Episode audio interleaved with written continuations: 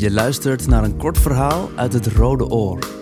De erotische schrijfwedstrijd van de buren, Stichting Nieuwe Helden en de Nieuwe Liefde.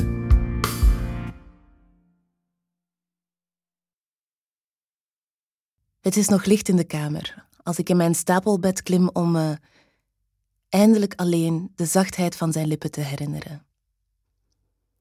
Maar als ik mijn ogen sluit, zie ik, proef ik, voel ik de appels die we elke dag plukken. De blonde en ik. Het rood van de Pink Ladies vermengt zich met de kleur van haar wangen. De zoete damp glinstert op haar bezweten borst. We werken hier pas drie weken. Maar het voelt alsof ik hier altijd al was en nooit meer weg kan. Samen met nog vijf andere reizigsters wonen we in een kleine hut tussen de bomen. De boer vertrouwt zijn appels enkel aan meisjeshanden toe. Gelach klinkt vanuit de keuken. Ze zetten zich aan het drinken met slechte muziek en proberen hun verre vriendjes te bereiken. Bij de blonde is het meestal stil. Maar afgelopen nacht hoorde ik haar bed onrustig kraken. In de hoek van de Franse meisjes hoorde ik wel eens een onderdrukte snik. Of meer aan de kant van de Estlandse meisjes, een bijna onhoorbaar plopgeluid, gevolgd door gewoel met de dekens.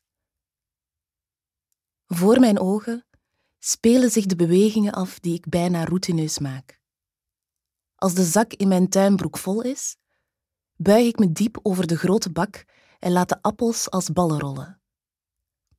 De blonde werkt als een boerin, terwijl ik dromerig tussen de takken klim.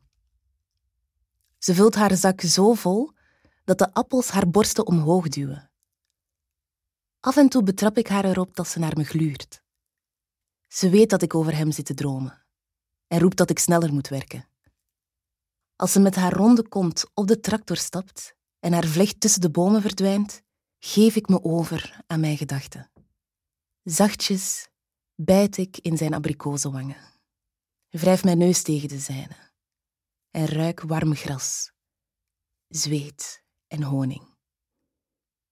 In de kamer siddert de hitte van de dag door, als onzichtbare lippen die zacht mijn wangen zoenen. Teder strijk ik de bezweten haren uit mijn gezicht, zoals hij dat deed. Zuig op mijn vinger, heet en zoet. Met de andere hand trek ik mijn broek naar beneden en streel het vochtig haar. Onder de deken, gespitst op elk geluid. Ik voel zijn volle mond die lange regelmatige slagen maakt over mijn natte kust. Woel door zijn zeegebleekte haren. Hij kust mijn zonverbrande schouder, het zachte vlees in mijn oksel. Pesterig strijkt hij met zijn lippen langs de lijn van mijn BH, net boven mijn tepel. Ik wil dat hij mijn borsten nat likt, zijn vinger tegen het kloppen houdt. Plots een krakend geluid en met een zucht val ik terug op het kussen. Een van de meisjes is de kamer binnengekomen. Ik druk mijn ogen stijf dicht en verroer me niet. Maar mijn kut bonkt zo luid dat ze het wel moet horen. Het blijft stil. En ik vraag me af of ik het me niet verbeeld heb. Dan, met een lichte plof, klimt iemand achter me op het bed. Als in een droom voel ik me niet geschrokken, alleen maar nieuwsgierig. Het moet een van de Estlandse meisjes zijn. Het stille, dunne meisje met de sproeten. De deken wordt opzij geschoven, mijn rug en billen ontbloot. Langzaam maar behendig wordt mijn broek uitgetrokken. Mijn huid kookt op de plek waar ze mijn BH losmaakt. Als een cobra richt ik mij op en de sierlijke vingers volgen de lijn van mijn borsten. Een kleine tong sabbelt luid op mijn oorlel. Mijn tepels worden hard en mijn keel lijkt zich dicht te knijpen. Ik wil me niet omdraaien, bang dat ik het allemaal fantaseer. Shh, fluistert ze als ik onmerkbaar kreun en elektrische trillingen maken mijn hoofd wattig. Haar stem klinkt diep. Moet het Franse meisje zijn, met haar lage stem, haar korte krullen.